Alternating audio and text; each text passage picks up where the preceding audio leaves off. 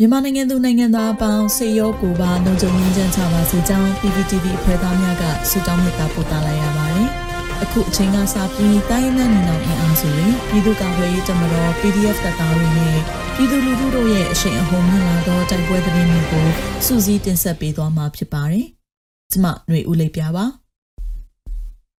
ပထမဆုံးအနေနဲ့ပူတာအိုစွန်ပီယန်ကျေးရွာရှိစစ်ကောင်စီစခန်းကုန်းကို KIA နဲ့ PDF ပူးပေါင်းတပ်ဖွဲ့ကတိုက်ခိုက်သိမ်းပိုက်ပြီးမိရှုဖျက်ဆီးတဲ့သတင်းတင်ဆက်မှာပါ။ကချင်ပြည်နယ်ပူတာအိုမြို့နယ်စွန်ပီယန်ကျေးရွာရှိအကြမ်းဖက်စစ်ကောင်စီတပ်ဖွဲ့နှင့်ပြည်သူစစ်ဖွဲ့အများတပ်ဆွဲထားသည့်စခန်းကုန်းတစ်ခုကိုကချင်လွတ်လပ်ရေးတပ်မတော် KIA နဲ့ PDF တပ်ဖွဲ့ကယနေ့နနက်10:00နာရီခန့်တွင်ဝင်ရောက်တိုက်ခိုက်ပြီးသိမ်းပိုက်နိုင်ခဲ့ကစခန်းကိုမိရှုဖျက်ဆီးလိုက်ကြောင်းသတင်းရရှိပါရသည်။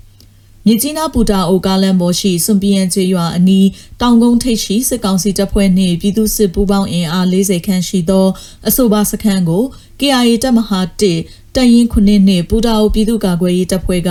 တွားရောက်တိုက်ခိုက်ခဲ့ခြင်းဖြစ်သည်ဟုဒေတာသတင်းရင်းမြစ်များကဆိုပါရယ်စခန်းသိမ်းတိုက်ပွဲဖြစ်ပွားပြီးနောက်စွန်ပီယန်ကျေးရွာရှိပြည်သူများထွက်ပြေးသိမ်းရှောင်နေကြရကြောင်းသိရှိရပါတယ်ရှင်။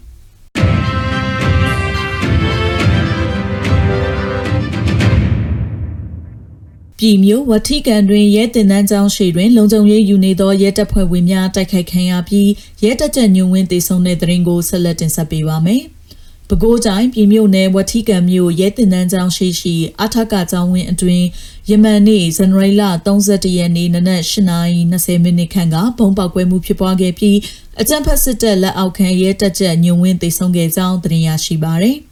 ဘုံဟာရဲကင်းဘန်ကအနီးမှာပောက်ကွာခဲ့တာဖြစ်ပြီးစစ်ကောင်စီလက်အောက်ခံရဲတပ်ဖွဲ့ကိုပဲရည်ရွယ်တိုက်ခိုက်ခဲ့တာကြောင့်အပြစ်မဲ့ပြည်သူတွေမထိခိုက်ဘူးလို့ဒေသခံမျက်မြင်တအူးကဆိုပါတယ်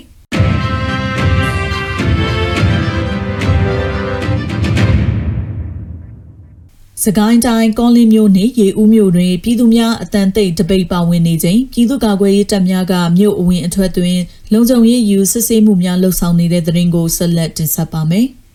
ဖေဖော်ဝါရီလ၁ရက်နေ့ပြည်သူများအတန်တိတ်တပိတ်တွင်ပါဝင်နေခြင်းစကိုင်းတိုင်းကောလင်းမြို့နယ်နှင့်ရေဦးမြို့နယ်တို့တွင်ပြည်သူ့ကာကွယ်ရေးတပ်များကမြို့အဝင်အထွက်လုံခြုံရေးယူစစ်ဆေးမှုများဆောင်ရွက်ခဲ့ကြောင်းသိရှိရပါသည်ဖေဖော်ဝါရီလ၁ရက်နေ့ကောလင်းမြို့တွင်ကောလင်းပြည်သူ့ကာကွယ်ရေးတပ်ပကဖသည်ကောလင်းမြို့အရှိတ်အထွက်တန်စုတရားနီတွင်ရှောင်းသခင်စစ်ဆေးခဲ့ကြောင်းစစ်ဆေးချိန်2နာရီထိစစ်ဆေးပြီးမူရစေဝါနှင့်ခိုးဆိုးလူနိုင်များအဓိကထားစစ်ဆေးကြောင်းဒေသသတင်းရင်းမြစ် calling info ကသတင်းထုတ်ပြန်ထားတာပါအလားတူအာနာသိန်းခံရခြင်းတစ်နှစ်ပြည့်ရေဦးမြို့ကြာပန်းဝိုင်းတွင် လုံခြုံရေးအရာရေဦး PDF နှင့်ရေဦးမြို့နယ်ပကဖကစစ်ဆေးမှုများလှုပ်ဆောင်ခဲ့ကြောင်းသိရှိရပါသည်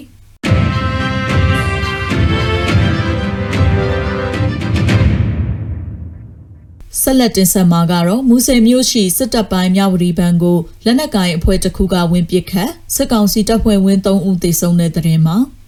ရှမ်းပြည်နယ်မူဆယ်မြို့ရှိစစ်တပ်ပိုင်းမြဝတီဘဏ်ကိုယမန်နေ့ဇန်နဝါရီလ31ရက်နေ့ညပိုင်းတွင်လက်နက်ကိုင်အဖွဲ့တစ်ခုကဝင်ရောက်ပစ်ခတ်ရာစစ်ကောင်စီတပ်ဖွဲ့ဝင်3ဦးသေဆုံးသွားကြောင်းဒေသခံများကရန်ကုန်ခေတ်သစ်သတင်းဌာနသို့ပြောဆိုပါရယ်လက်ရှိမူဆယ်တွင်စစ်ကောင်စီတပ်များကလုံခြုံရေးတင်ကျပ်ထားပြီးစစ်ကောင်စီဘက်တော်သားပြည်သူစစ်များကလည်းလက်နက်များကင်ဆောင်လျက်ကင်းလည်မှုများရှိနေကြောင်းဒေသခံများထံမှသိရှိရပါသည်